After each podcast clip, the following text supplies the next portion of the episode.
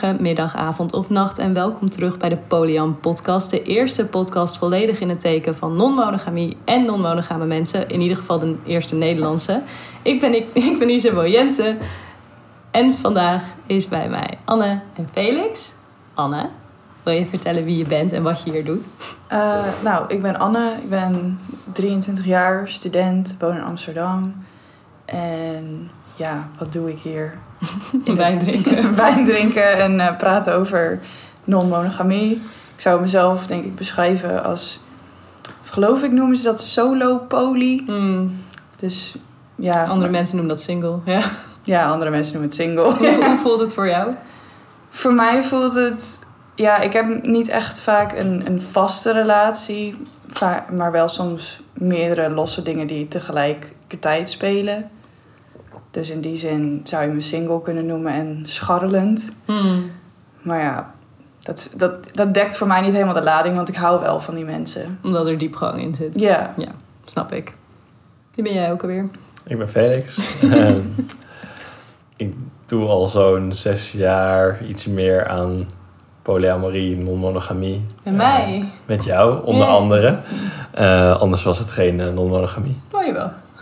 maar mag met mij zijn en voor de rest niks doen. Ja, dat is waar. Dat kan natuurlijk ook. Ehm, en eh, ja, ik ben hier aangeschoven omdat het het onderwerp van vandaag, maar daar komen we zo op. Ja, het Ja. grote onderwerp van vandaag is relationship privilege. Wat dat is en waarom Felix dat eh, heeft gedaan. En ik ook. En wat Anne daaraan mee heeft gemaakt. Daar gaan we het zo over hebben. Maar we beginnen met de kleine vraag van vandaag. En de kleine vraag eh, is van anoniem. 693002. En ehm, Ah, die, ah ja. ja, Ja, ja. Je, je kent hem wel, ja. ja. Eh, hebben jullie ook wel eens een schuldgevoel als je weer eens aan het daten bent met iemand? Oftewel geïnterna- geïnternaliseerde monogame normen die in je hoofd terugkomen? Kijk eerst naar links. Ehm, in- ja, ik kan me er wel iets bij voorstellen. Ehm, maar niet zozeer bij het daten, maar meer bij het... ehm, dat ik dan heel graag wel alles netjes wil vertellen. Omdat het anders zeg maar, de verkeerde indruk kan wekken dat ik iets achterhoud. En je hebt dan dat, het ik, gevoel... dat ik me daar ehm, dan extra op let, zeg maar. aan die nieuwe persoon bedoel je dan? Nee, juist aan de relatie die ik al heb. Oké. Omdat het dan de afspraak is dat, dat niks geheim is. En dat ik niet de indruk wil wekken dat ik iets geheim hou. Dus Hmm. ik vind het wel eens... Ja, waar ligt dan de grens van, oh, nu ga ik het vertellen? Wanneer is iemand Ja, en belangrijk, belangrijk genoeg? ja, in principe hebben Wanneer wij, ga je over die grens? hebben wij de afspraak dat niks ge- geheim is. Dus als iemand ergens naar vraagt, dan vertel je in principe wat Ja, maar wat als iemand nergens naar vraagt? de deal is. Ja, dan hoef je het niet per se te vertellen. Ja, nee, fair. Ehm, Ja. Maar ben je dan dus bang de rest van de tijd dat je iets niet vertelt? Nee niet, per se, nee, niet per se dat. Maar het kan wel eens zijn dat een afspraak met iemand of, of een date, of hoe je dat wil noemen, soort van uit de lucht komt vallen. en dan heb ik denk ik soms van. ehm, dan, dan heb ik het idee van als ik dat nu vertel, dan komt het een beetje raar over of zo. Maar er is ook niet echt een andere optie, want het kwam voor mij ook een beetje uit de lucht vallen. Oh ja. Oh, het was opeens een date. Ja, deze. en dan dat de andere persoon het gevoel kan hebben van, huh, maar die persoon spreek je echt nooit. Oh ja, waar, waar, waar hoezo waren die en er waarom heb je dat niet verteld? En dan, ik heb die persoon ook bijna niet gesproken. Maar... Het was er ineens. Ja. Oh ja. Oh ja, dit snap ik wel. En dat ik dan toch een beetje bang, banger ben voor de reactie van mijn partner dan ik zou moeten zijn. Ik ben ook En- doodeng. En dat is dan wel monogaam, denk ik. Dat je denkt dat iemand boos wordt. Ja, ingebakken. Oh, ja, ja. Maar ik, ik voel me niet schuldig per se. Ja, schuldig is dan echt wel weer iets anders. Nee, niet Gewoon dat. bang voor de reactie. Maar Ja. is wel... Schuldgevoel is sowieso, vind ik echt een, een heftig concept. Hmm. Dan is het, dan, dat, dat wekt ook de indruk dat je iets verkeerd hebt gedaan of zo. En Ja, ik heb een hele rare rela- relatie met, het, met schuldgevoel. Ik heb dat gewoon heel veel gevoeld. Zeg maar, mijn depressie voelde, manifesteerde zich een soort van als schuldgevoel. Maar ik Mm. wist niet waarvoor of waarover. Dus ik heb sowieso dat ik het niet goed kan herkennen wanneer het valide is dat ik me schuldig voel, ja. denk ik. Maar het is ook wel een heftige emotie. Ja, ik denk heel vaak zo van... eh, je hoeft je niet slecht te... Je bent niet een slecht mens omdat je iets slechts gedaan hebt, Oh ja. zeg maar. Mhm. En Zo- schuldgevoel zou impliceren dat je... Ja, dat je slecht bent. bent? Hmm. Ja, dat is in ieder geval hoe ik er een beetje naar kijk.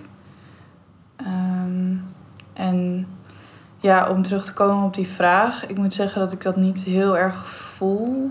Ook misschien omdat ik geen vaste partners heb. Waardoor ik ook minder dat ervaar wat jij ervaart, Felix. Mhm. Ik heb eigenlijk eerder een soort van euforisch gevoel als ik dan weer met een keer met twee mensen of drie mensen tegelijk aan het daten ben. Dat ik denk van, oh wat leuk. En dan, ik, het gaat heel natuurlijk om dan over die personen te praten met de anderen met wie ik aan het daten ben. Ik vind het juist heel leuk om dan te zijn van, oh ja, ik ben op een date geweest met deze en het was zo leuk. En ja, ik weet niet. Het voelt gewoon heel goed. En ik heb wel gehad dat mensen je een soort van schuldgevoel haast aanpraten. Maar dan ben ik heel snel zo van, oh laat maar, hier heb ik helemaal geen zin in. Eh, een beetje dat, dat, toch dat beetje claimerige van monogamie. Dat iemand in eerste instantie zo is van, oh wat leuk dat je meerdere mensen date. en dan, als dat dan ook daadwerkelijk gebeurt, dan is het zo van, oh ik vind het toch wel, ben ik dan niet belangrijker dan die ander? Dan ben ik zo van, nee. Dan, Ja, dat was het hele idee. Ja. ja, dat is het hele idee inderdaad. Dus ja, wel dat het geprobeerd wordt het schuldgevoel aan te praten, maar niet dat ik dat echt dan heel erg zo ervaar zelf. Ik, denk dat ik, ik denk dat ik inderdaad ook in die lijn een beetje zit. Ik, ik ben de laatste tijd steeds meer aan het nadenken van wanneer valt het me niet op dat ik misschien iemand pijn doe. Dus dan zit ik meer in wat Felix zegt. Zo van, oh, kom ik misschien nu over alsof ik iets expres naar doe? Of kom ik misschien Mhm. over alsof ik iets achterhoud? Ja. Maar dat is meer dat ik een soort van heel gevoelig ben geworden van... oeh, ben ik niet iemand pijn aan het doen? Ja. Maar dat is niet echt schuldgevoel. Dat is nee, dat is meer ja, Ja. bang dat iemand pijn heeft. En dat ten alle kosten Ja, ik willen denk dat- voorkomen. Ik denk ook schuldgevoel is meer een soort van achteraf, right? Dan heb je iemand al pijn gedaan en ja, dan... waarvan je zelf ook wel Mhm. weet dat je... Dus eigenlijk wist dat je iets slechts deed, maar het toch deed. Ja. Dan voel je meer schuldgevoel. En dan vind ik. je dus fout ergens dat je dus met iemand naast je partner met iemand date. Of met twee mensen überhaupt tegelijkertijd. Dat vind je dus fout. Want daar voel je je schuldig over. Nou ja, het gaat natuurlijk... Toch? Er wordt gezegd van geïnternaliseerde monogame normen. En die zitten natuurlijk ja, vast vrij diep. Ja, diep. Mhm. Maar dat is dus, dan voel je dan voelt het ergens dat dat fout is. En dat heb ik niet. Ik heb, het voelt voor mij niet fout, ook niet ergens diep ver weg, om met meerdere mensen te daten. Dat heeft het ook nooit gevoeld. Ik heb het misschien wel als ik erover probeer te praten met mijn familie. Mm. Dan, Mhm. Dat ik dan ineens denk van... Oh, doe ik nou eigenlijk iets verkeerd of zo? Dat, dat ik heel erg merk dat ik dan probeer goed te praten... terwijl ik helemaal niet vind dat er iets goed te praten Oh, valt. Nou, Maar dan is dat heel geïnternaliseerd inderdaad. Van, eh, ik heb zo erg aangeleerd dat het slecht is... dat je dan dat soort van wil verdedigen aan mensen die dat nog steeds zo zien. Ja, dus op het moment dat je met mensen bent die dat zo zien... komt het dat van binnen in jou weer een soort van naar boven. Ja, Oh ja, ja. fascinerend. Oh ja. Want ik heb met me, als ik gewoon met mijn vrienden ben en zo, ja, praat ik er heel open over en is het helemaal niet een geheim. Maar met mijn familie is het toch wel, terwijl ik wel steeds meer open erover probeer te zijn, is het toch wel van. "Ugh, eh, veroordeel me niet. Ik vind mij nog steeds normaal. Ja. Maar ook niet, want het maakt me niet uit dat ik niet normaal ben. Maar ja, maar ik vind me in ieder geval niet soort van immoreel of zo. Oh ja, Ja. ik zie mijn keuzes niet als onethisch. Ja. Want ik vind het ethisch. En dit is waarom uitleg, uitleg, uitleg, ja, uitleg. precies. Ja, dus je wil een soort van hen, aan hun overdragen van... Kijk hoe ethisch dit is. Echt Ja. waar. Ja, ja, en je- ja, gewoon heel erg verantwoorden wat je doet. Hm. Terwijl dat, ja, eigenlijk, er wordt niet eens om gevraagd dan die verantwoording. Maar dat voel ik dan heel erg dat ik dat wel moet geven. Ja, en dat is het geïnternaliseerde deel. Zeker als het mensen zijn die dus niet om verantwoording per se vragen. Nee, misschien zal ze het niet per se snappen. Maar dat het niet zo is van, oh, nu vind ik je echt een, eh, echt een rotpersoon of zo. Of Helemaal niet. Of iets naar... Nee, Ja. ik bedoel, want ze houden ook gewoon van mij en hebben zoiets van, oké, dit is gewoon iets wat jij voor kiest, prima. Maar ik ben dan toch heel bang van dat ze het niet denken, prima. En dan ga je Ja, toch heel erg die... verklaren. ja. Ja, ik denk, ja, ik denk toch dat ik het echt niet veel heb. Schuldgevoel. Wel geïnternaliseerde monogamie, maar dat manifesteert zich toch echt anders dan Hm. schuldgevoel, denk ik. Meer in een. eh, ik wil iemand per se. geen- Ja, dat is ook geen monogamie. Ik kan het van tijd tot tijd hebben als ik niet 100% zeker weet dat iemand echt om me geeft. En dat ik dan soort van dat claimerige opkomt. Maar dat is, dan is wat ik eigenlijk moet zeggen is... Hallo, ik voel niet dat je om me geeft. Dit zijn manieren om dit te laten zien. Ik hou van dit soort cadeautjes, dit soort woorden. Besteed meer tijd met mij. Maar dat is dan niet... This is my love language. This is my love language. Dat dat, er, dat dat het meer geïnternaliseerd is wat er bij mij in zit. Is dat mijn reactie op niet gezien worden is meer claimen. Terwijl de reactie op niet gezien worden zou praten moeten zijn. Ja. Dus dat dat het misschien is. Herkenbaar in any way? Ehm, nee. Nee. je voelt je altijd gezien. Nou ja, niet altijd, maar ik denk niet dat het per se leidt bij mij tot, tot Claimen. claimerig gedrag. Nee. Nee, dat denk ik ook niet. Ik snap wel wat je bedoelt. Ja. Ik had dat wel in die, waar, waar we het hiervoor even over hadden, over die... eh, eh, ik had een relatie met iemand die eh, ook een andere partner had. En toen had, heb ik wel momenten gehad waarvan ik dacht van... oh, nu wil ik je heel erg claimen en wil ik heel veel aandacht. Omdat ik voelde dat ik niet genoeg aandacht kreeg. Maar dat communiceerde ik dan niet goed. Eh, nee, precies. Maar dan ging ik meer inderdaad dat, dat hele claimerige gedrag vertonen. Ja, ja grappig hè. Ik hoop dat dat genoeg antwoord is. Eh, je bent niet alleen eh, vragensteller. Maar iedereen ervaart het denk ik weer anders. Want ik vind het ook best fascinerend, Felix, dat jij dat zeg maar dan hebt omdat je denkt dat je iemand iets niet vertelt. Ik vind dat ook wel interessant. Ja, ik denk dan... Ik ben wel vooral... Ik wil zeg maar, dat, dat jij ook zegt, wel iemand ook niet pijn doen. Dus de partners die ik heb dan, waarmee ik de afspraak heb dat ik dingen niet achterhoud. En ik wil ook niet per se een eh, onnodig, onnodige ruzie of conflict over iets wat eigenlijk niet nodig is, omdat ik iets niet vertel. Alleen soms vind ik dat moeilijk, omdat iets soms ook voor mij deels uit, soort van niet helemaal, maar uit de lucht komt vallen. Of in ieder geval En hoe ga je-. En hoe breng je dan over aan je partners dat je niet al een hele geschiedenis achterhoudt? Ja.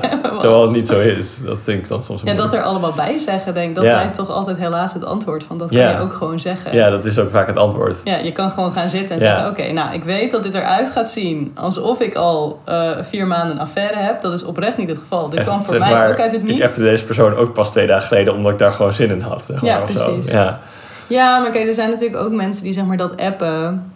die misschien iets meer aan het begin van iets zitten... of een andere vorm aan- van non-monogamie hebben dan dat wij hebben... die dat appen ook al fout vinden. Zonder het Ja. te vertellen. Terwijl dat is voor ons heel normaal. Maar daar voel ik me niet schuldig over. Nee, maar Nee. dat is ook gewoon omdat we daar zo aan gewend zijn. Ja, ja, ja. Nee, dat maakt uit.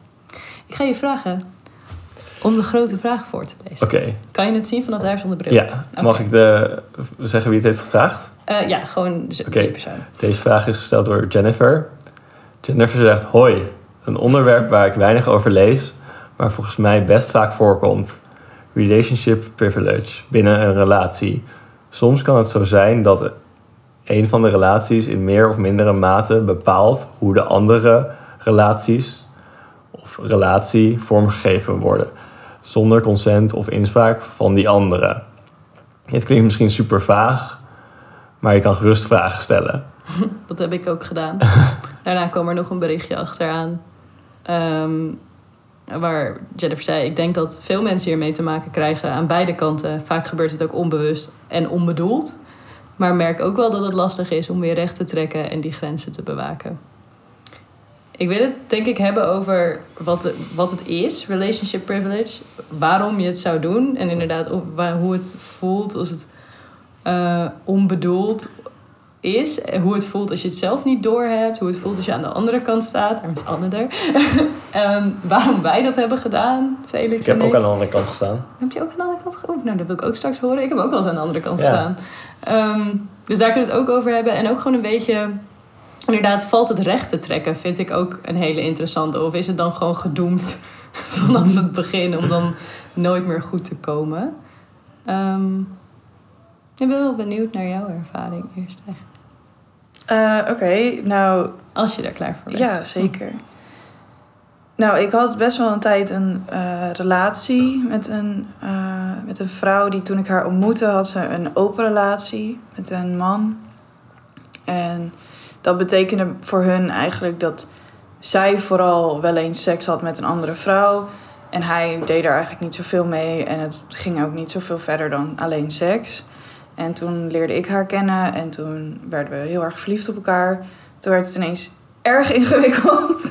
Ehm, Want hun definitie van open was pure seks. ja, puur alleen seks en hooguit like, drie dates of zo. En dan Oh, dus dat ook echt een soort van... Ja, er zat niet echt per se een limiet aan, maar een soort van ongeschreven. Ze hadden heel veel van die ongeschreven regels, dat merkte ik best wel snel. Ehm, ik merkte ook best wel snel dat zij niet helemaal eerlijk was tegen haar partner over wat wij met elkaar hadden. En dat vond ik best wel lastig, omdat ik zoiets had van: ik wil niet dat je vreemd gaat of zo. Dat is niet per se mijn ambitie. eh. Dus, Mooi verwoord, ja. ja, dus ik had zoiets van, oké, vertel het gewoon tegen hem wat je voelt. Want anders dan gaat hij ook alleen maar voelen dat je iets achterhoudt. En dat gebeurde dus ook heel erg. Hij werd best wel achterdochtig. Waardoor wij eh, elkaar veel minder konden zien. Omdat hij zoiets had van, ja, ik wil eigenlijk niet dat je zoveel tijd met haar doorbrengt.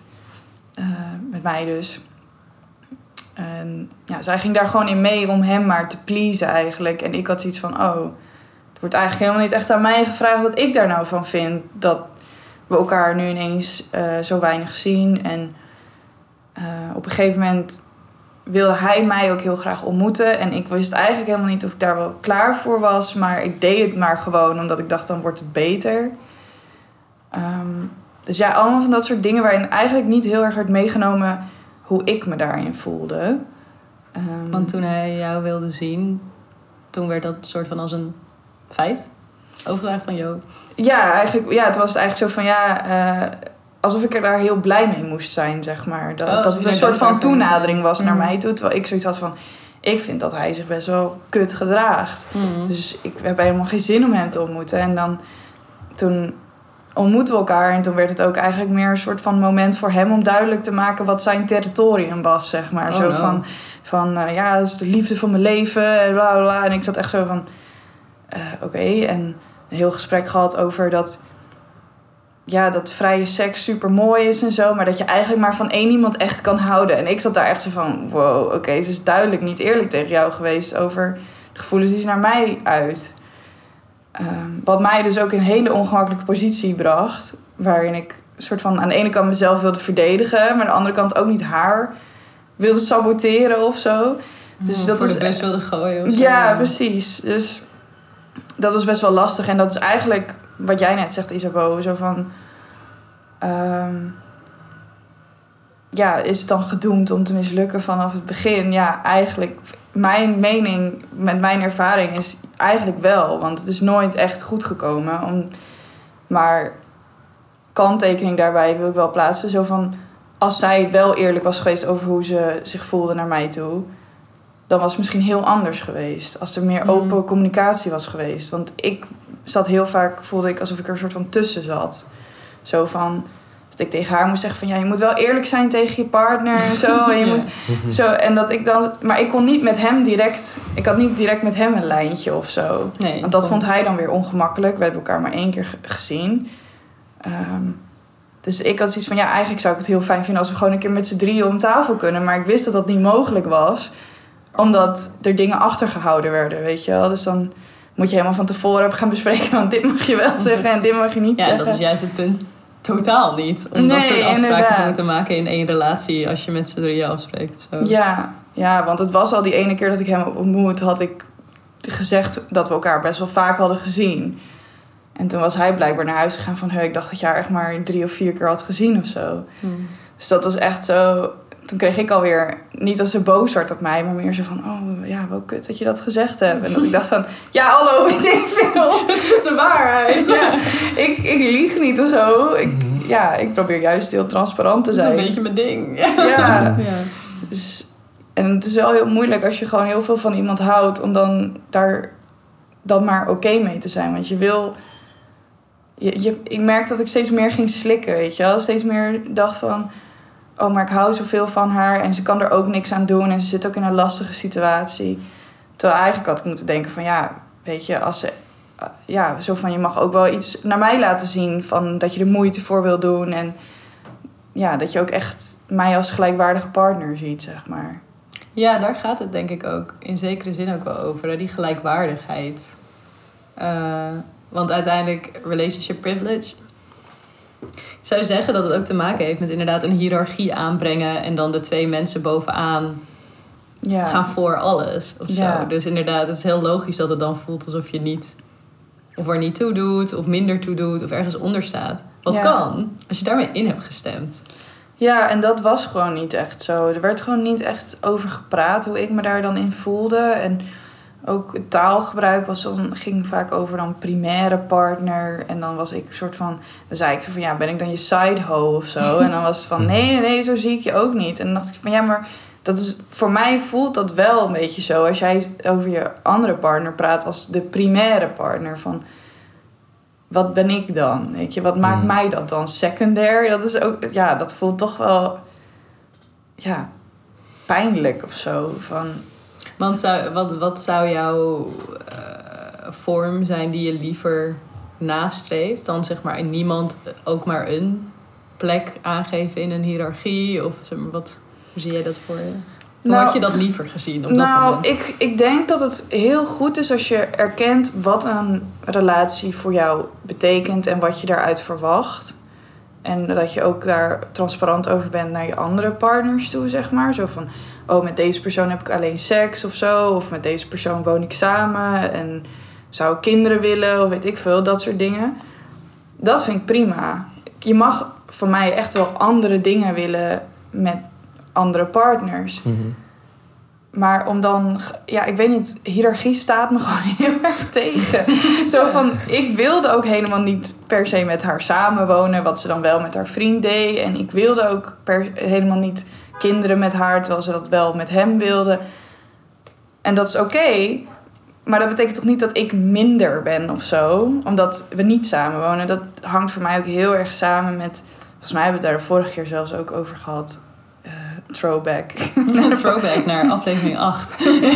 maar over die eh, like, eh, relationship escalator, weet je wel? Alsof iemand die eh, hoger op de trap staat, dat die dan ook ja, echt hoger dan jou staat. Ja. Zo van, oh, als je met iemand samenwoont, dan is diegene wel echt belangrijker dan iemand waar je niet mee samenwoont. Mhm, Ja, dus je, hoe meer stapjes je krijgt, hoe meer liefde jou ook toebedeeld wordt. Of hoe, meer, hoe hoger je staat, hoe belangrijker je bent. Ja, en ik denk Ja. dat dat niet echt is hoe liefde werkt. In ieder geval voor mij persoonlijk niet. Nee. Nou ja, daarom is Richard voor jou het belangrijkste, toch? Ja, want we wonen in één huis en we hebben Ja. katten. Ja, Dus eh, de katten ook. de katten zijn het belangrijkste, want die wonen bij mij in één huis. Ja, ja. Nee, kijk, ik bedoel, mensen kunnen... eh, eh, hoe noem je dat? Belang, belang toedichten aan bepaalde zaken. Een huis, inderdaad, whatever. Maar als je... Ja, liefde, liefde is niet meetbaar met acties, right? Het is niet van, oh, we wonen in één huis, dus ik hou meer van jou. En, je Nee. bent- en ook in het, zeg maar, het verhaal wat jij net vertelt... Ze is hem gewoon toevallig eerder tegengekomen. Dus iemand Mhm. meer toedichten omdat je elkaar toevallig langer kent is best wel weird. Alleen ja, maar dat werd ook wel vaak. eh, Dat was ook iets wat hij toen de keer, toen die keer dat ik hem ontmoette, was hij ook heel erg van ja, we zijn al zeven jaar samen. Dat ik echt dacht van ja, lekker boeiend. Oké. Zo van ja, super nice dat jullie elkaar nog steeds leuk vinden, maar veel meer dan dat vind ik niet dat daar heel veel waarde aan zit per se. Zo van oh, je kent elkaar heel lang. Ik bedoel, als ik kijk naar mezelf vijf jaar geleden, was ik echt heel anders dan hoe ik nu ben. Dus Ja, tof dat je die verandering met elkaar hebt meegemaakt of zo. Maar het kan dus ook dat je opeens verandert en elkaar niet meer zo interessant vindt. ja, En dat is ook oké. ik denk dat dat ook wel. Ik denk dat het voor hun. ehm, nou, laat ik het dan meer zeggen voor haar, want ik ken hem niet zo goed. Dat ze het heel moeilijk vond om een beetje tussen polyamorie en monogamie in te zweven of zo. Mhm. Ehm, zo van de ene, en de open relatie was dan een soort van fijne middenweg. Zo van, oh ja, dan is het alleen maar seks, dus dan is het wat makkelijker behapbaar. En toen het ook nog eens liefde werd, toen werd het ineens van... oh, nu snap ik helemaal niet meer wat ik wil eigenlijk. Van, oh, kan je verliefd zijn op twee mensen tegelijk? Of meer mensen tegelijk? Eh, Mm. Ik denk Ja. ook wel dat dat vaak het punt is waar relationship privilege opkomt. Als je niet snapt wat je aan het doen bent. Zelf nog. Ja, ja. En dat je gewoon een beetje is overkomen Ja. misschien. Of... Ja. ja. Ik vroeg me nog wel af, voor, is voor jou het belangrijkste punt eigenlijk dat er niet open en duidelijk met jou werd gepraat en gecommuniceerd? Of is Ja. het ook wel principieel? Ja, nou, het, het, wat, wat voor mij ik denk twee dingen is vooral... Ja, ja sorry, ik kom even niet aan mijn woorden. That's alright. Ik denk dat eigenlijk het belangrijkste voor mij is dat het niet eerlijk ging. Dus dat, het, dat ik. Ja, en eerlijkheid is natuurlijk ook een beetje een vaag concept of zo. Wat is eerlijk? Maar eerlijk in de zin van transparantie en vertellen van dit is hoe, hoe we het gaan doen. Ja. En dat ik heel vaak had geopperd van... Goh, kunnen we niet een keer met z'n drieën afspreken... en dat we gewoon gaan hebben over dat het allemaal heel ingewikkeld is en moeilijk. En, maar dat we wel... ehm, ja, dat, dat ik ook een meer met hem een soort connectie kon hebben... doordat we van dezelfde persoon houden. Mhm. Ehm, maar dat vond zij allemaal doodeng. Dus ik denk dat het ook gewoon omdat het soort een van de schakelfiguren, nou ja, eigenlijk de schakelpersoon, die, Ja. die wilde eigenlijk niks. Die vond het alleen maar heel eng. Ehm, waardoor die transparantie niet ging, communicatie ging niet. En ja, dan heb je eigenlijk niks, weet je. En ja, en ik denk inderdaad wat je zegt ook wel een beetje principieel van... ik ben op zich gewoon tegen hiërarchie en Ja. liefde aanbrengen. Ja. Ik doe dat ook niet met mijn vrienden of zo. Of met mijn broer en zussen. Dat ik zeg van nou, ik vind jou echt veel leuker dan die ander. Zo. Ja, nee, ik hou gewoon van mensen op een andere manier. Ja. En dat is allemaal waardevol, maar niet per se gelijk, maar wel even, ja, wel waardevol allemaal. Ik weet niet of ik nu je vraag Ja, dankjewel. Ja, jawel. Ja. Ja. Ja, ik kan allemaal wel naar mij kijken, maar het is een tafelgesprek. Ah. Ehm, ja, ja. ik heb ook wel meegemaakt. eh, aan die kant staan die jij ook zegt. Want toen ik Isa ontmoette, had jij een relatie. Mhm. En daar, Oh, ik snap nu waar je het over hebt. Ja. Bepaalde- Ik was er van, wanneer was dit? ja, toen bepaalde jouw partner ook best wel de ground rules van hoe vaak wij elkaar konden zien. en Oh, waar met je bleef slapen. En eh, Ah ja, niet bleef slapen. ja, niet bleef slapen En eh, hoe vaak moest douchen voordat ik thuis kwam. ja. Ja. Damn. ja, en ik liet het allemaal gebeuren. Want ik was al lang... Dat, dat is ook een grap, zeg maar jij bent er wel echt boos over, eh, Anne. Ik was er ook niet eens boos over. ik was gewoon, oké, dit is logisch, want ik wil iets raars. Zeg maar, het feit dat ik met Oh, twee mensen wil ja. zijn is weird. Want jullie waren niet open eerst. Dus denk ik goed om mij Nee. te vertellen. Oh ja, nee, we waren super monogaam. Ja, dus alles wat je kreeg was extra. Soort van. Zo voelde het. Ja. Ja. maar dat is wel iets wat eh, mijn ex dan ook wel echt zo zei tegen mij. Van ja, ben ik niet heel greedy dat ik dit allemaal wil? En dan dacht ik zo van, hallo, je moet toch voor je eigen geluk gaan? Ik, ik zeg maar, zo, hoe verder we weten, misschien leef je maar één keer, misschien niet. Maar Mhm. laten we van, van, het, van dat uitgaan. Dan is het toch super zonde als je dan iets laat lopen wat je, waar je heel gelukkig van wordt, alleen omdat het niet hoort of zo. En dan dat ik ook tegen haar zei van ja, maar je bent ook al queer, dus dat hoort ook niet. Nee, je, Weet je- Ja. je moet sowieso Oh, gaan en voor zeg maar, wat hoort wel, weet je? Ik bedoel, je kan alles zo... is bedacht, toch? Ja, dus, zo zie ik het in ieder geval Ja, wel. en voor hetzelfde geld lig je morgen onder een bus. Dus waarom zou je niet vandaag dan gaan voor wat je wil? Ja. ja, ja. Ehm, Ja, wil je vertellen over hoe dat was of hoe je dat ervoer? Of, of het je opviel ook? Nou ja, ik, ik vond het wel... Ik eh, vond het wel een beetje gek, maar polyamorie was ook nieuw voor mij. Dus ik had ook niet echt zoiets van... Dit is wel hoe ik vind dat het moet of zo. Dus ik kon het ook niet echt over oordelen. Ehm, wat ik wel een beetje moeilijk vond... Eigenlijk het moeilijkste aan vond... was dat het een beetje een gekke... Ja, een beetje een gekke relatie creëerde tussen... eh, jij, eh, dus, nee, tussen mij en jouw partner. Dus eh, ehm, waarbij ehm, ik dan ook wel bij jullie over de vloer kwam, maar dat het, ik voelde dan een soort gespannen sfeer, omdat daar was iemand die soort van de dienst uitmaakte. Hij was een soort van de baas. bedoel Ja, hij was een soort van de baas. eh, of ik, en ik had het gevoel dat het ook, ik dacht ook van, ehm, straks eh, zegt hij van, oh ja, het is nu ook weer klaar of zo. Dat gevoel had ik ook aan het begin. Dat hij een soort van kon zeggen, ja, het was een leuk experiment, maar dat werkt niet. En dan, Ja. dus dat vond ik ook heel moeilijk, want dan dacht ik, waar ben ik dan aan toe? Ja. Eindigt deze relatie volgende week? Ja. Dus hoe ga ik dan ook hierin, zeg maar? Ga ik me dan echt committen ook of zo? Of, Ja. ehm, Denk je dat het je gestopt heeft in hoeveel commitments je aan het begin kon geven? ik denk het wel, ja. Ja, dat Ja. snap ik wel. Want ik dacht van misschien dat het volgende week een streep doorheen gaat. Ja, dan heb ik al mijn emoties daarin gestopt Ja. de dag. Ja, ja, precies. snap ik wel. Ja. Ja, maar dan heb je dus ook een beetje een soort hiërarchie gevoel. Ja. me. Zo van, Ik kwam wel op de tweede plaats, denk ik. ja. Dat was ook letterlijk zo. Volgens mij is dat ook uitgesproken. Ja. ja. Ja. Ja, want dat, wat jij beschrijft herken ik echt heel erg. Zo van dat je denkt van, oh, ik vind deze... Ik had heel erg van, oh, ik ben zo verliefd op haar. Maar ik moet niet te veel van haar houden. Want ze kan morgen ineens zeggen van, oh, dan doen we het toch even lekker niet meer of zo. En ja, dat gebeurde uiteindelijk ook. Dat ze zei van, ja, ik voel toch niet dat ik de ruimte heb om ook nog een relatie met jou te hebben. Of, nou ja, meer toen ik een beetje door ging vragen, kwam het uiteindelijk op neer van, ja, eigenlijk wil ik niet het gesprek aangaan met mijn vriend, want ik weet dat dat dan heel lastig gaat zijn. En eigenlijk vind ik het wel chill hoe het nu gaat Dus tussen ons. eigenlijk was het angst. Ja, At the end. Ja. ja, en dat ik dan zoiets had van, oh, dus... Ja, dat is een heel raar, hele rare positie om in te zitten. Omdat je zo zit van, oké, ik snap ergens wel dat je gaat voor een stabiele relatie. Maar wel ten koste van mij of zo. Ja. Dat voelt een beetje wrang.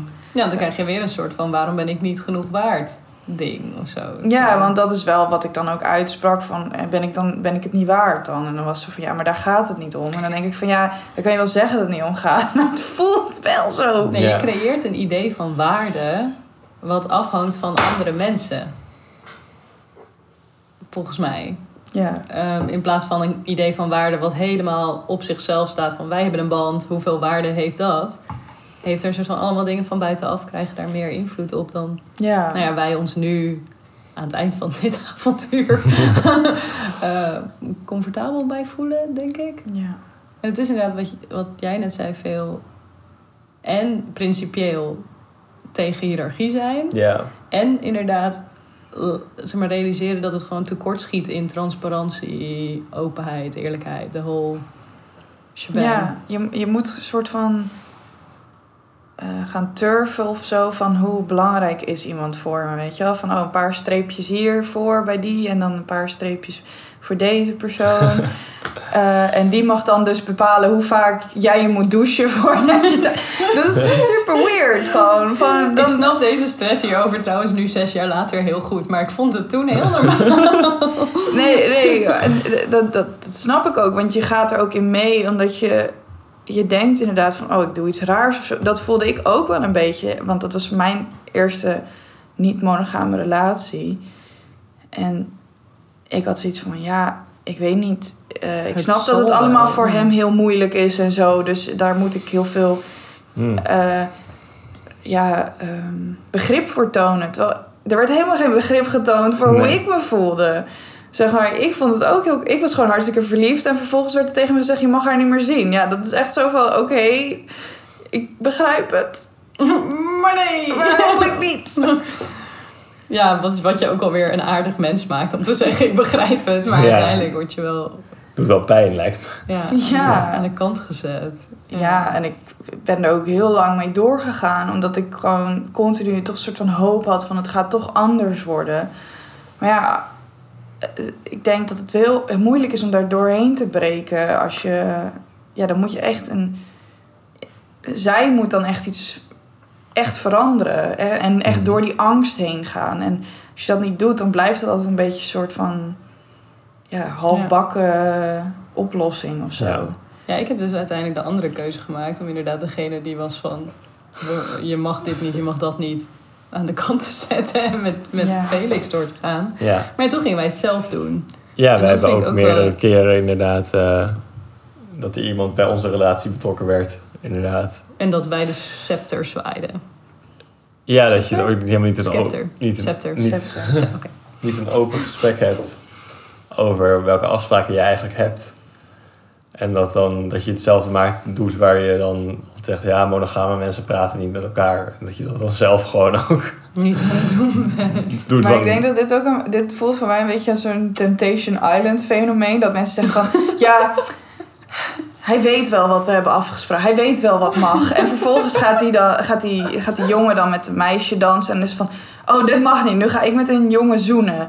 En dan is het zo van, oh je mag helemaal niet met iemand zoenen. Nu ga ik met iemand seks hebben. En dan gaan ze steeds Het is een verder soort domino effect. Ja. Een Ja, soort ja. op tegen elkaar opboksen. Ja, en het, eh, om de, zo van ervan uitgaan dat die ander wel weet wat je hebt afgesproken. Terwijl Ja, Dat terwijl helemaal die persoon is nieuw, zeg maar. Dus het kan ook helemaal niet. Ja, maar ook gewoon zo van...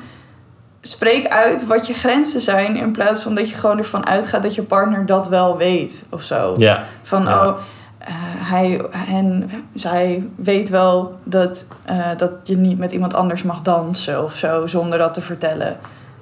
Hoe de fuck moet je dat Ja, weten als het niet is uitgesproken? ja, dat is inderdaad een heel goed punt. Ja.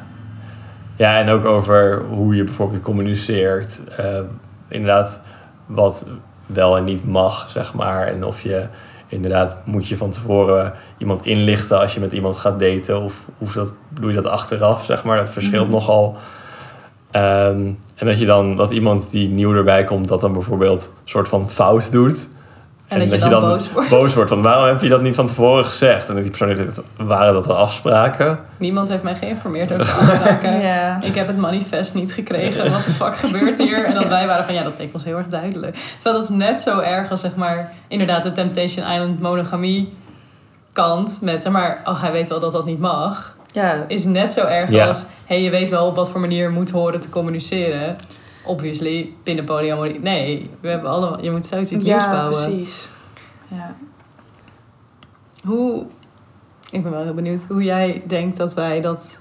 ehm, als we het echt over relationship privilege hebben. Dus zeg maar, waarom Mhm. hadden wij. Of wat deden we met dat privilege? Dus wij waren samen al. En ehm, dan kwam er iemand bij. Ja. Wat, wat waren nou echt soort van de valkuilen waar wij intrapten? Wat, waar, welke privileges namen wij voor lief zonder erover na te denken, zonder er anders mee om te gaan? Nou, deels denk ik wel dat we ook bijvoorbeeld in, in discussies heel vaak elkaars kant ook kozen als er überhaupt over Oh iets ja, werd er gepraat. Ehm, en dat is heel moeilijk voor een derde persoon, want die staat dan altijd alleen. dus dan, Ja. al- ook als het niet over polyamorie dingen ja, wij gaat. zagen elkaar wel veel met z'n drieën vaak. Ja, dat wel. Wie, wie we dan ook daten. Maar je ziet elkaar nog, nog veel vaker. Dus je bent soort van op elkaar ingespeeld met heel veel dingen. Wij zagen elkaar nog veel vaker. Ja. ja, en ook dan- als je elkaar al langer kent, dat helpt Ja. ook al met dat soort dingen. Mhm. Dit is ook een ingewikkelde. Zeg maar, het als je elkaar langer kent, dan weet je bepaalde dingen van elkaar. En hoe, komt daar, hoe kan een derde persoon daar in godsnaam in korte tijd in bijtrekken? Ja, maar ik denk dat dat ook niet, dat is niet echt zeg maar alleen met polyamorie. Ik merk dat ook wel. ehm, ik, ik, ik woon dan echt op zo'n gang met heel veel mensen. En ik eh, ben door mijn huisgenoot een beetje in een vriendengroep gekomen die elkaar echt al vanaf de middelbare school kennen. Hartstikke leuk. Ik vind al die meiden superleuk. En soms gaan ze zonder mij iets doen.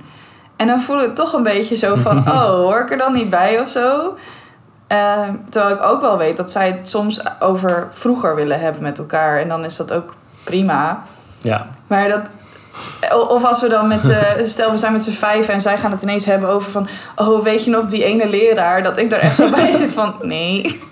Ik weet Dit heb ik met Felix vriendengroep. Of jou ja en jij kan het ook Nico hebben. en Richard ja. en zo. Dan zit ik daarbij en ik ben like... I have dated and fucked all of these people.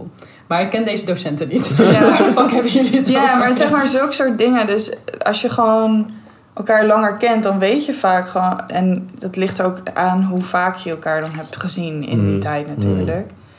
Ehm, maar ja, dan heb je toch weer een andere, andere dingen met elkaar meegemaakt of zo. Ja, ja.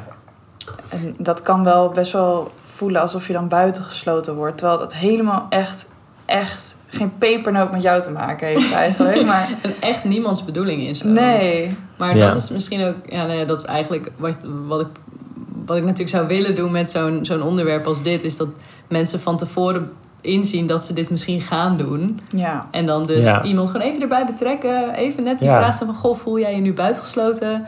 Ik wil dat je weet dat je niet buitengesloten bent. Wij willen het gewoon even over vroeger hebben. Want Ja. ergens weet jij dat dus. Mhm. Over je huisgenoten. En toch kan het... Het komt niet binnen als iemand het je niet nog een keer bevestigt of zo. Ja, maar ik denk ook dat dat, dat iets is waar een soort van... Nou ja, taboe vind ik dan ook weer een moeilijk woord om te gebruiken hier. Maar een soort van... Het is heel vaak best wel eng om te zeggen... ik heb bevestiging nodig. In ieder geval, dat Mm. vind ik heel Mhm. moeilijk om te zeggen. Omdat ik dan gelijk het idee heb van... oh, ik zit echt te zeiken. Ehm, Ik denk dat dat ook wel ook een non-mono of polyamorie ding is. Zeg maar dat we zo worden eh, aangeleerd check. Zeg maar, je moet alles jezelf kunnen geven. Je moet snappen dat je eh, waar, waardevol bent. Ook als iemand het je niet vertelt. Je haal alles uit jezelf, zeg maar dat idee. Ja. Terwijl als je soms echt uitkomt op... ik heb deze bevestiging nodig. Dan Ja. moeten we ook wel allemaal leren dat aan te geven. Ja, precies. Moeten- en ja. voor mij is dat dan in zo'n setting dat ik dan zeg van... Goh jongens, eigenlijk vind ik het niet zo leuk als het de hele tijd over de middelbare school gaat. Want daar kan ik niet echt over meepraten. En dan, ik weet als ik dat zeg, dat er ook gelijk zoiets van... Oh shit, er even niet aan gedacht. En dan gaan we het over iets anders hebben. Natuurlijk, dankjewel. Ja. Ja, maar ik denk dat, dat je eigenlijk niet die, die burden alleen moet plaatsen op de nieuwe persoon in, in, je, Nee. in, je, Nee, nee, zeker niet. in de relatie, zeg maar. En dat is dan denk ik die, dat privilege wat je hebt, dat je ook moet erkennen dat je dat, wat jij zegt, dat je inderdaad ook even moet checken. Mhm. In plaats van dat je die, die hele last op de nieuwe persoon legt, die dan moet zeggen van... Hé hey jongens, ik vind het eigenlijk niet zo leuk als het op deze manier gaat. Want het is best wel eng om in je eentje tegen twee mensen... Denk ik ook. Die je allebei Ja. leuk vindt. Of waarvan je er één heel leuk vindt. Maar het gevoel hebt dat de ander kan bepalen dat die persoon uit je leven wordt gerukt. dus ze zijn Ja. altijd eng eigenlijk. Of zo. Het is altijd eng om aan te gaan geven. En ik denk ook wel dat dat een beetje zo- zo'n zo'n ding is vanuit monogamie. Dat je, dat je andere mensen dan... Dat heb ik, dat ik soms iemand zie als concurrentie. Mhm. Terwijl dat helemaal niet. Zeg maar, ik weet van mezelf, als ik met meerdere mensen aan het daten ben, zijn ze geen concurrentie van elkaar. Want ik vind Nee. ze allemaal leuk op een andere manier en om een andere reden. Soms om dezelfde redenen. Maar als, die, als ik dan met iemand aan het daten ben en die persoon gaat weer met een nieuw iemand daten, dan ben ik ineens zo van: huh? ben ik niet leuk genoeg of zo? Want ik ben de extra. Ja. Ja. Hoezo moet je twee extra mensen?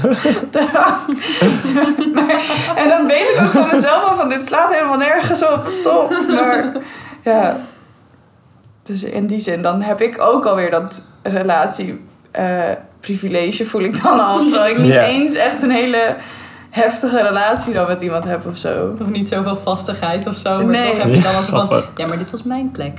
ja. Ja, ja, dat herken ik wel. Dat heb ik soms ook wel gevoeld. Dan als er nieuw iemand kwam, dat ik dacht van... Ga je nou mijn plekje innemen? Dat was helemaal geen, geen ding eigenlijk. Ja. Maar ik herken dat wel. En dat is toch omdat je dan denkt van... Deze relatie is belangrijk en ga jij dan daar invloed op uitoefenen of zo? ja. Eh, Ja, nou, ik merk ook dat ik als ik met iemand nieuw ga daten en diegene heeft al een partner, dan vind ik dat helemaal prima. Heb ik helemaal geen moeite mee als die persoon aan mij vertelt, eh, waar ik dan mee aan het daten ben, van oh ja, en ik heb seks met die persoon, ben ik van ah, super nice, weet je. Alleen als er dan nog een nieuw iemand bij komt, dan is het van heb je seks met diegene? Hoe dan? Oeh, nee. Hoezo ben je een individu die keuzes maakt? Ja. How dare you? Ja, maar ook echt zo, het is zo scheef, omdat ik het zelf ook gewoon doe. Maar ja, Ja, en is dat een soort.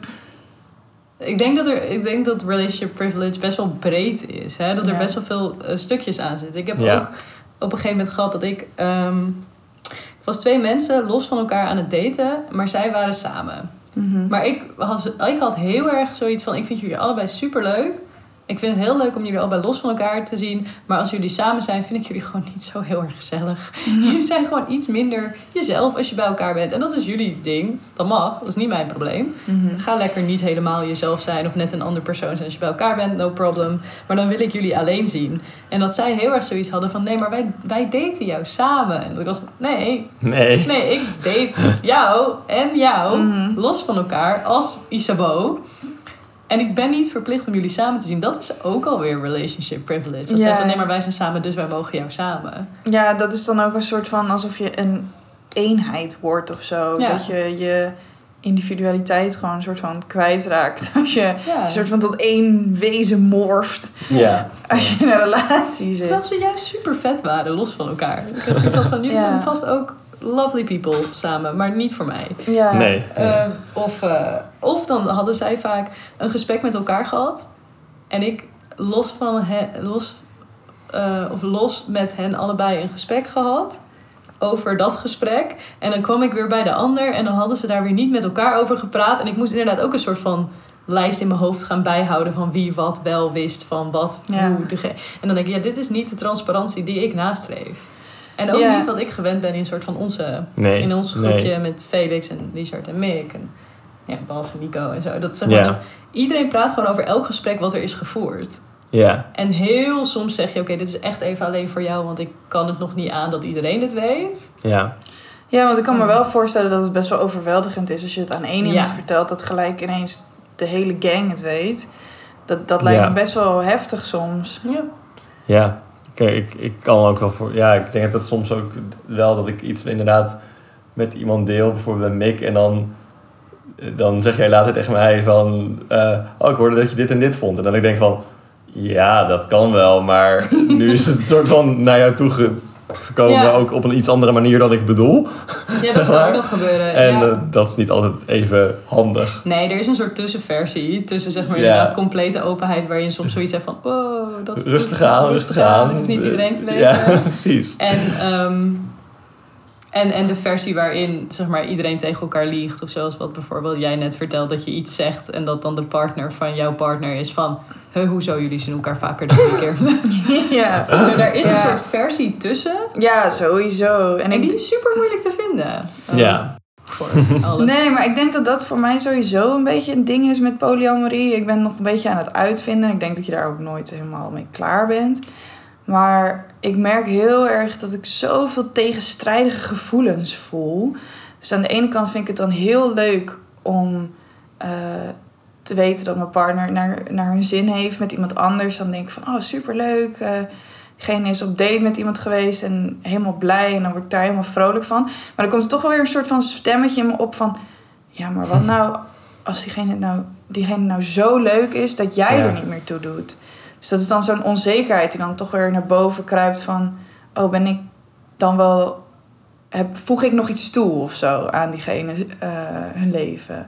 En ik denk dat dat misschien ook wel een beetje geïnternaliseerde monogamie is. Zo van, ja, Denk je, zo van, Ja. maar één iemand en die moet je alles geven. En Ja, maar ook dat, Ja. je, dat je inderdaad überhaupt een vergelijking is en dat je plekje soort van kan worden ingenomen, inderdaad. Ja. Dat is iets heel monogaams, denk ik. ja, Ja.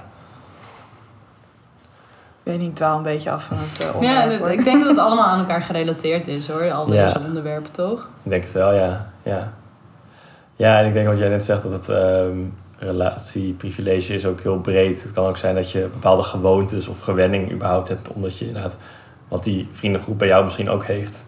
Ehm, We lullen gewoon over en we spreken altijd in dat café af of zo. En dat is voor die nieuwe persoon helemaal niet handig. Of eh, die persoon drinkt misschien geen alcohol. Of zeg maar, ja. het kunnen al- allemaal dat soort dingen zijn. Die soort van het bestaande koppel of de bestaande relatie heel normaal vindt. Van we doen altijd zo of dit eh, is gewoon hoe we dat doen. En daar denk je niet eens echt bij na. Maar je legt het iemand anders misschien heel erg op. En die vindt het misschien wel heel erg zo van... Oh, nou, nu wordt ineens verwacht dat ik Elke zaterdagavond in dit eh, café in Hilversum zit. Zoiets, ja. ja, ja, en de- Ja. Maar dat soort dingen zitten er ook in, denk ik. Naast ehm, hoe je precies communiceert en hoe je liefde uit. Of, Ja. zeg maar het gaat ook om hele praktische dingen soms, denk ik. ja, Eh, dat is wel een goed punt. Ik denk dat het je het op zich ook wel een positieve zin kan hebben hoor. Dat je, want ik heb wel bijvoorbeeld van die relatie heel erg geleerd. Ik kon echt niet normaal ruzie maken, zeg maar. Ik kwam echt uit een beetje een abusive gezin. Dus dan was het echt altijd heel heftig uitschelden en zo. Niet, niet normaal kunnen uiten van ik ben niet blij hiermee. ja, En Herkenbaar. Ehm, zij hadden echt, een- in hun relatie was het heel normaal om gewoon een rustig gesprek te voeren. Schreeuwden nooit tegen elkaar, hebben ook nooit ruzie met elkaar, in, in hoeverre ik dat weet in ieder geval. Dat is in ieder geval wat mij verteld werd natuurlijk, ik ben er niet bij. maar dat ze nooit tegen elkaar schreeuwden en nooit echt dat soort ruzie maakten.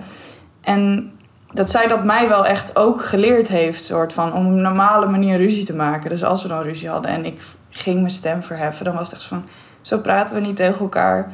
Dat is dan het enige wat, wat ik als reactie kreeg, totdat ik normaal ging praten.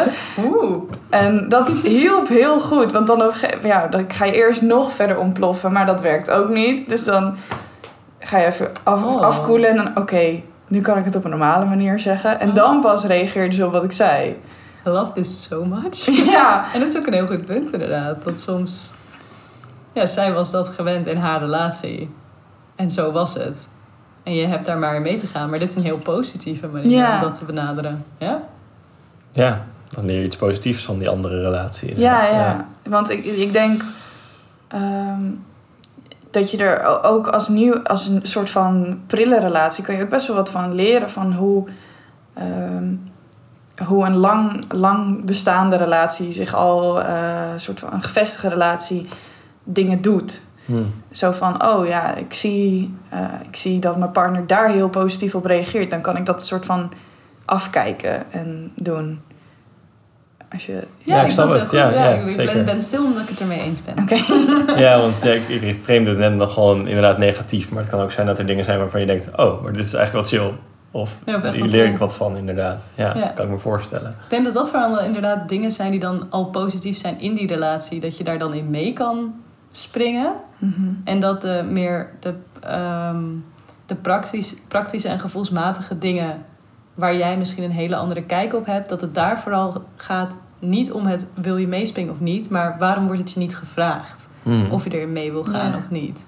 Dus van wij spreken elke zaterdagavond af, goh, maar of, of, of zo. eh, ik wil nooit woensdagavond met je afspreken, want dan spreek ik met die partner af. Terwijl bijvoorbeeld voor jou alleen de woensdag kan. Maar dat Ja. zo nooit wordt gevraagd wat komt voor jou uit, maar dat het gewoon is: hey, in onze relatie is woensdag Ja. dit, dus jij mag niet. En dan heb je weer die hiërarchie en Ja. weer die niet vragen. Ja. ja, het is denk ik... ehm, ehm, je kan dan wel vragen aan die andere persoon van hoe vind jij dat? Die zegt dan ja, maar woensdag is de enige dag dat ik kan. Ehm, Mm. Maar eigenlijk moet je dan natuurlijk ook met z'n drieën daarover praten. Ehm, want misschien heeft die andere iemand, iemand anders weer een ander bezwaar of een behoefte. Dus je hoeft dan niet meteen in een driehoeksrelatie te zitten. Maar om dat wel het open gesprek te voeren, moet je dan toch met z'n drieën kijken hoe willen we dat nu met z'n drieën doen. En dat Ja, kan weer helemaal vanaf de grond. oh, Ja, vanaf. Mm. Het Van scratch. van, meer van scratch te gaan, denk Ja, ik. ik denk dat koppels dat moeilijk vinden. Mensen die Ja, lang samen zijn, net aan non-monogamie beginnen en dan opeens van... Ja, want wat jij nu zegt, doen. inderdaad, dat, dat vind ik wel, wel, wel een goed punt. Dat je, ja, dat, je, dat je het met z'n drieën moet bespreken. Ook al heb je niet allemaal met elkaar een relatie, zeg maar een, een romantische Ja, relatie, laat ik ja. zo zeggen.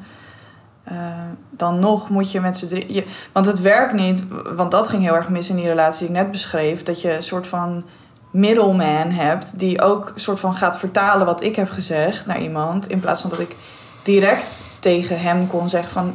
Yo, ik ben geen bedreiging voor jouw relatie. Ik wil helemaal niet met haar samenwonen. Ik wil dit helemaal niet. Dus no worries. Ik Mhm. ben er niet op uit om dit kapot te maken of zo.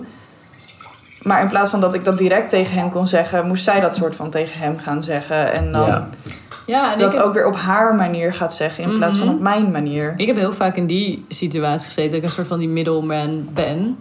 En dat is ook heel naar. Het is ook heel naar als je de hele tijd moet nadenken... oké, wat vinden twee mensen ook alweer? En hoe ga ik dat vertalen? En wat zei Ja. diegene ook? Oh mijn god. Maar dat is ook, eh, dat is ook best heftig. Ja, ja want je, je, je krijgt ook gewoon de wind van voren van twee kanten dan, weet je wel. In plaats van dat die mensen eigenlijk met elkaar een discussie gaan Mhm. voeren, moet jij een soort van, ehm, ja, wat je zegt, gewoon zo'n middleman spelen. Maar dan krijg je dus ook alle shit over je heen de hele tijd. En dat is ook gewoon heel Ja, dus vervelend. het maakt eigenlijk ook nog uit in relationship privilege wat voor compositie je een soort van hebt. Want inderdaad, wat, wat, wat Anne net vertelt, is natuurlijk heel erg één iemand in het midden die twee relaties heeft. Waar er privilege zit in één van die relaties. Wat Felix en ik volgens mij vaak hebben meegemaakt, is dat, we een soort van, dat er wel echt een derde persoon bij kwam, maar dat we wel heel erg met z'n drieën waren. Maar dat wij gewoon die persoon met z'n tweeën een soort van blok daartegenover vormden. Ja, dat onze afspraken soort van Leidend leidend, waren. waren. En niet echt, ja, misschien na een paar maanden een keer besproken werden. Dus dat Als is je niet echt, genoeg blijft, niet dan echt gaan we goede, luisteren niet naar echt, je niet mening. echt het goede voorbeeld of zo, nee. Nee. Zou je zeggen dat het nu anders is? Ehm denken. Wie zijn mijn partners ook alweer? Nou, ik denk dat we nu, ook omdat we dit gesprek hebben bijvoorbeeld, dat we het nu veel bewuster van zijn. Dat we dat ook wel anders zouden doen. Maar ik denk bijvoorbeeld met, eh, met Mick dat dat ook nog wel voor is gekomen. Ehm, vooral in hoe wij soms heel snel met elkaar praten over onderwerpen die wij al kennen. En dat Mick dan soms zoiets heeft van, na tien minuten zo van... Ik heb werkelijk niets van dit gesprek gevolgd, maar ik ben hier ook. Ja. En ik En heb dat er is heel misschien ook best flauw, iets over te zeggen. Ja. is, eh, Dus eh, ja, we zijn er nog niet helemaal, denk ik. Nee, en nee, net als wat andere mensen. Van, ben je er ooit echt helemaal? Kun je dat ooit echt zijn? Mm. Hebben Mick? Ja. Ik denk wel dat er nu veel meer wordt gepraat, überhaupt over behoeftes. En ook met z'n drieën praten we daar veel meer over. En we pushen elkaar ook om het meer aan te geven. En het idee dat alles altijd anders kan. Maar daar moet je wel echt allemaal echt in geloven. Ehm, en inderdaad, het zit er soms ook in gewoon dat je gewend bent soms met iemand op een bepaalde manier te praten. En dat dan een nieuwe persoon zoiets heeft van... Het is alsof jullie een andere taal spreken. Ja, ja, ja. ja, dat kan je denk ik met vrienden net zo goed hebben. Ja, Ja. zeker, zeker. Ik denk dat ik heb dat echt wel met mijn beste vriendin. Als ik met haar ben, dan ja, is heel anders dan, eh, dan als ik met andere vrienden ben of zo. Omdat ik haar ken ik al vanaf dat ik 15 ben of zo. Dus we hebben echt een hele, hele evolutie met elkaar Er is doorgemaakt. er maar één woord nodig en dan komt er Ja, een soort van hele gedachtenwereld En in. Ja. zij kent ook gewoon een hele andere kant van mij, die nu niet meer echt bestaat. Eh, maar wel ook invloed nog steeds heeft op hoe onze relatie is vormgegeven, Ja, zeg dit maar. maakt ook heel erg uit. Hoeveel ken je van elkaar, denk ik. Ja, want ik was bijvoorbeeld... eh, vroeger had ik heel veel... eh, Het ging iets stuk. Eh, maar fijn. ja, wij zijn oké. eh, ik had vroeger best wel veel moeite met, eh, met, met woede uiten, zeg maar. Wat ik net ook een beetje zei natuurlijk. Dat ik soms echt on- kon ontploffen. Dat deed ik ook wel eens naar haar toe. En nu ben ik echt helemaal een soort van zen geworden de afgelopen paar jaar. Helemaal om. Ja.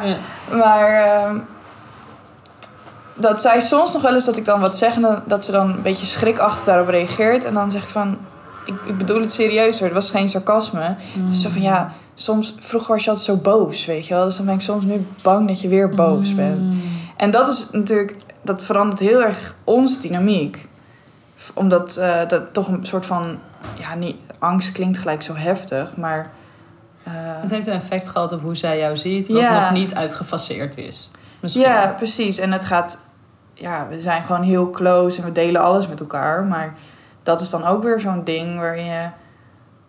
Waarin onze relatie echt wezenlijk anders is dan een relatie met een vriendin die ik nog een jaar maar ken of zo. Ja. En het betekent niet dat die vriendschappen minder of meer voor me betekenen. Maar ze zijn gewoon heel anders doordat je elkaar langer kent en andere dingen met elkaar hebt gedeeld. En ja, wat ik zeg, een soort van evolutie van jezelf hebt meegemaakt Ja. met die persoon. Ja. ja, ik denk dat wij dat ook heel sterk hebben. Ja, Ik weet niet hoe comfortabel je bent om daarover te praten. daar ben ik wel comfortabel mee. Oké. Ja, ik herken Wil je het. het zelf iets... Ja, precies. Ja, ik weet niet of jij het wil zeggen, Ja, want ik jij herkent mag- er heel veel in, denk ik. Nee, je mag, mag voor mij alles Ja, ik herken zeg maar die angst die jouw vriendin dan heeft, heb ik zelf soms bij Isa, omdat Isa vroeger ook vaker ontplofte, zoals ze dat dan.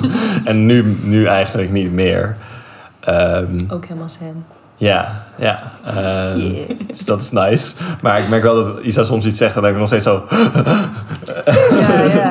Oh nee, ik bedoel het helemaal niet zo. En dan, maar ik ben helemaal niet boos. Nee, je, je was ook inderdaad niet boos, maar... Ja, Ja, maar dat is dan toch een soort van eh, trigger dingetje of zo. Ja, dat is In- triggering ja. dan inderdaad. Ja. En daar, dat, om even hè, terug te komen bij relationship privilege, ik denk dat dat soms juist heel ehm, nuttig kan zijn om dat niet meteen over te dragen aan een nieuwe partner. Want je geeft Ja. ook weer iemand, of nieuwe vrienden of whatever, je geeft ook iemand de kans om eh, helemaal opnieuw te beginnen, soort van. Ja. Dus er Ja. zijn ook dingen die je niet per se hoeft. Ja, en een, nieuw ja, en een nieuw persoon kan ook wel weer een nieuw... Die, die biedt ook weer een nieuw perspectief, Ja, weet je wel? dat Zo ik ook van, aan. Ja. van eh, in jouw situatie dat een nieuw persoon dan eh, bijvoorbeeld jou meer doet beseffen van... Oh, Isa ontploft niet meer zo vaak. Want, Of niet Ja. meer, want Ja. eh, hen doet dat niet bij, eh, bij die nieuwe partner. Dus die- waarom zou ze het dan wel bij mij doen of zo? ja, precies. Ja, daar dacht ik ook aan. Dat iemand ook een nieuw perspectief kan bieden, inderdaad. Niet alleen dat iets, iets wat misschien niet gebeurt, maar ook gewoon iets heel nieuws. Dat die persoon op een bepaalde manier met je partner omgaat. En jij denkt, oh, is best wel interessant eigenlijk dat zij dit zo of zo doen. Ja, Misschien vind ik dat ook wel fijn om te Proberen. proberen of zo. Ja, ja. Bepaalde manieren of bepaalde dingen. ja en ik vind dat, dat vind ik wel echt een mooie kant van polyamorie. Want je leert elkaar wel elke keer weer opnieuw ook kennen. Doordat je partner intiem en close wordt met iemand anders. En je en- moet wel Ja. of zo. Terwijl je dat misschien... Kijk, er zullen ook mensen zijn die dat van nature kunnen... als ze maar met z'n tweeën zijn hun hele leven. Maar het lijkt me een stuk moeilijker. Ja, Dan ja, ik denk dat je veel makkelijker in een soort sleur valt en niet Ja. echt meer de, vers- de, de ontwikkeling van je partner ziet. Omdat je bijvoorbeeld elke dag elkaar ziet of meerdere keren in de week. Dus dan sluipt iets er veel makkelijker in dan wanneer er ineens ja, ja, een soort van nieuwe variabelen toegevoegd worden. ja, ja denk het wel. Ja. Ja. Stel, we zouden mensen misschien voor het individu die erbij komt... en het koppel wat dit gaat doen, tips moeten geven van hoe doe je niet... Hoe voorkom je relationship privilege? Wat zijn dan dus na dit gesprek onze tips? Eh, heb het hierover? Praat erover. Ja. ja, met z'n drieën ook. Ja, Zeg maar- maar. 4, 5, 6, Ja, 13. maar- ja. Eh, ja, gewoon heb het met elkaar erover waar iedereen ook bij is. Dat je dus niet dat middleman gebeuren krijgt, want dat werkt gewoon niet. Misschien ook maak het letterlijk. Zeg Ja. van, hé, hey, volgens mij hebben wij een privilege omdat wij er zijn. Ja, en misschien is het wel goed om eerst met, als, als er ehm, twee mensen zijn die een relatie hebben en dan komt een derde persoon bij, dat die twee mensen wel eerst met z'n tweeën even puur over dat privilege praten. Ja, ja, ja. oh ja, Zodat of ze- misschien wat over lezen. Ja, dat je bewustzijn hebt, eh, überhaupt. Want ik denk niet dat je heel veel dingen niet ziet. Eh, Ja, of dat je in ieder geval gelooft dat je het hebt ook. Want ik denk dat, volgens mij heeft Nico ons er wel eens op aangesproken van jullie zijn een blok.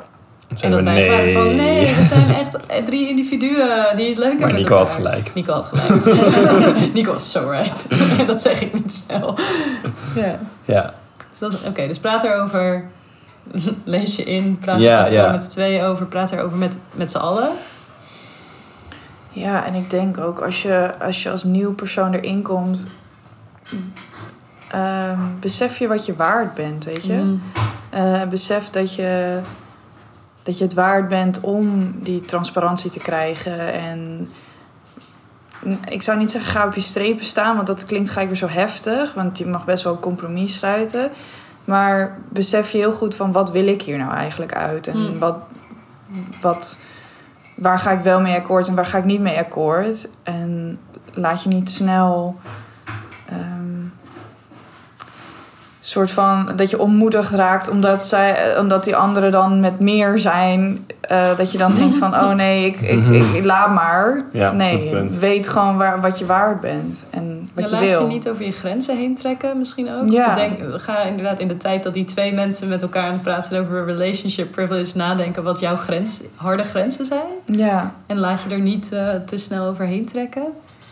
En misschien geniet er ook van met z'n drieën dat er weer helemaal nieuwe openingen zijn. Dat je weer helemaal iets nieuws kan bouwen, zeker. denk ik. ja en, en inderdaad, ehm sta er niet zo in van, oh, alles wat ik kan krijgen is meegenomen van dit, van dit gevestigde bastion of zo. Zeg maar van, Mm. oh, ik mag eh, met deze, een van deze personen daten. Oh, ik Ja, mag, dat je er maar genoegen mee moet nemen. oh, ik met mag een keertje je blijven krijgt. slapen, Ja. zeg maar. Ja. Dat, dat is natuurlijk, je moet ook wel be- bedenken, wat, wat, wat wil ik zelf? Ja. En als je dat al, dat is ook heel anders erin staan, denk ik. Ehm, ja, want anders Ja. laat je je ook wel weer heel erg meevoeren met dingen die je misschien helemaal niet wil. dan neem je toch niet. maar aan wat je krijgt. Ja, omdat je zoiets hebt van, oh ja, ik vind deze persoon heel leuk, dus ik doe alles maar wat, eh, wat, wat hem wil en wat hun partner wil, zeg maar. Ja. Ja, Komt toch altijd weer neer op communicatie, hè? altijd, altijd. We hebben helemaal niks aan. We zijn weer praten en het is weer... Communiceren, jezelf op waarde schatten en eh, wat is nog meer, je grenzen aangeven. Ja, behoefte inzien. Je behoeften inzien, Emotieregulatie. emoties delen. Ja, ja. Ja, ja.